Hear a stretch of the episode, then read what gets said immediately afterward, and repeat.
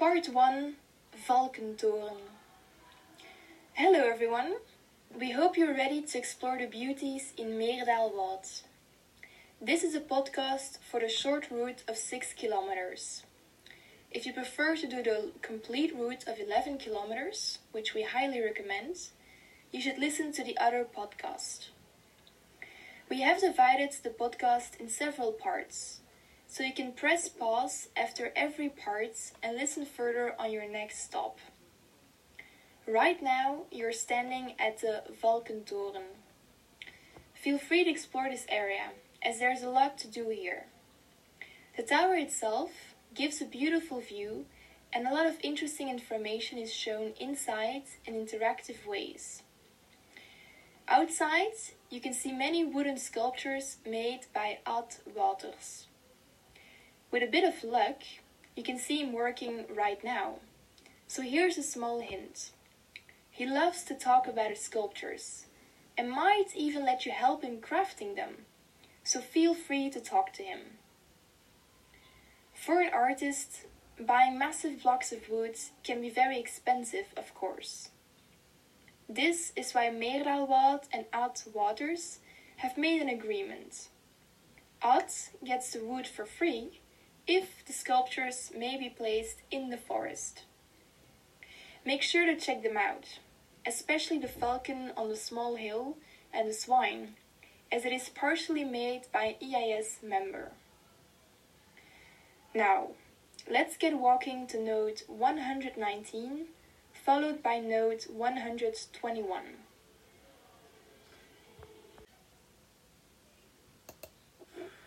Part 2 Military Domain. Now you have arrived at our second stop. If you continue walking, you will see a military domain on your right hand side. It is the domain of Dovo. World War II is just approximately 80 years ago, and munition and bombs can sometimes still be found in Belgium. In fact, last year they received 10 calls every day.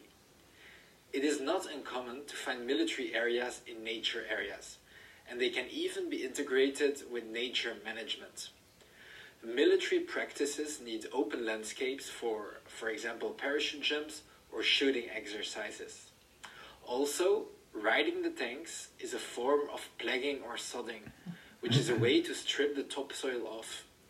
All this is beneficial for heathlands, which is an important habitat of many threatened species in Belgium. Let's continue our journey to node 112, followed by node 111 right next to it. Part 3 The Tomberg. Right now, we are on the foot of the Tomberg. Climb it and you will see the most beautiful view in this forest. This hill is 102 meters high, which makes it the largest hill in the forest. In the name of the hill, Tomberg, you might hear the word tomb, and this is not coincidental, as it is a burial mound or grafheuvel in Dutch. Archaeologists have found many things here in the silex. The vegetation here consists of eagle fern, Pteridium aquilinum. This is a textbook example of a competitive plant strategy according to the CSR theory of Grime. Competitors thrive in areas of low intensity stress and they outcompete all other species. That is why you can barely see any other plant in the vegetation around here. If you are ready to go on again, go to note 113. When you see a bridge, listen to the next part. Part 4 Bridge. We are about to cross a wooden bridge over the Naamse Steenweg. This road divides the forest, and big animals like deer or potentially even wolves cannot cross it or are in danger if they do so. Animals like these need big home ranges, which is the area they need to find sufficient food or mates. So the construction of such big roads is an additional problem for them. Meerdaalwoud has tried to mitigate this problem with the construction of an ecoduct, which is a bridge for animals so they can safely cross. You can maybe see some animals on the bridge if you look to the right.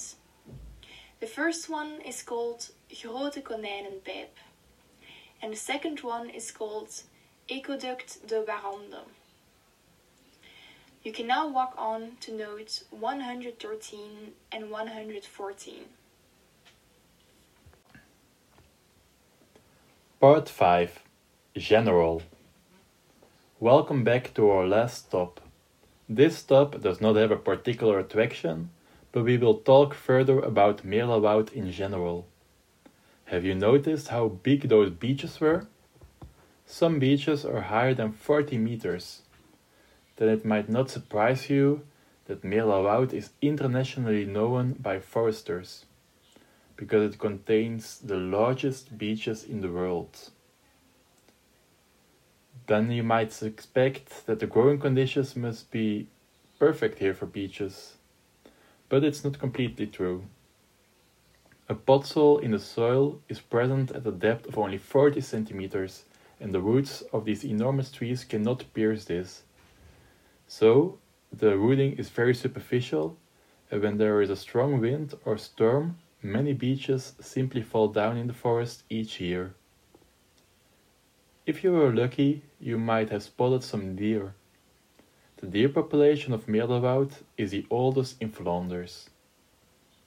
Something else which is really rare is that the three kinds of spotted woodpeckers, small, middle and great, all occur here together. If you are a fan of insects, Meerdaalwoud is one of the only habitats in Belgium which contains the European stag beetle, or vliegend hert in Dutch, which is a huge beetle that can grow up to 10 centimeters. It looks like the male grow antlers, but actually those are just enlarged mandibles, which the males use to fight each other for females. Now, to return to the starting point, go first to note 119 and follow this point to the Valkentoren. We really hope you have enjoyed the walk in this wonderful forest and that you might have learned something new. We only were able to cover a small part of Meerdaalwoud, so feel free to discover other parts as well someday. Goodbye for now.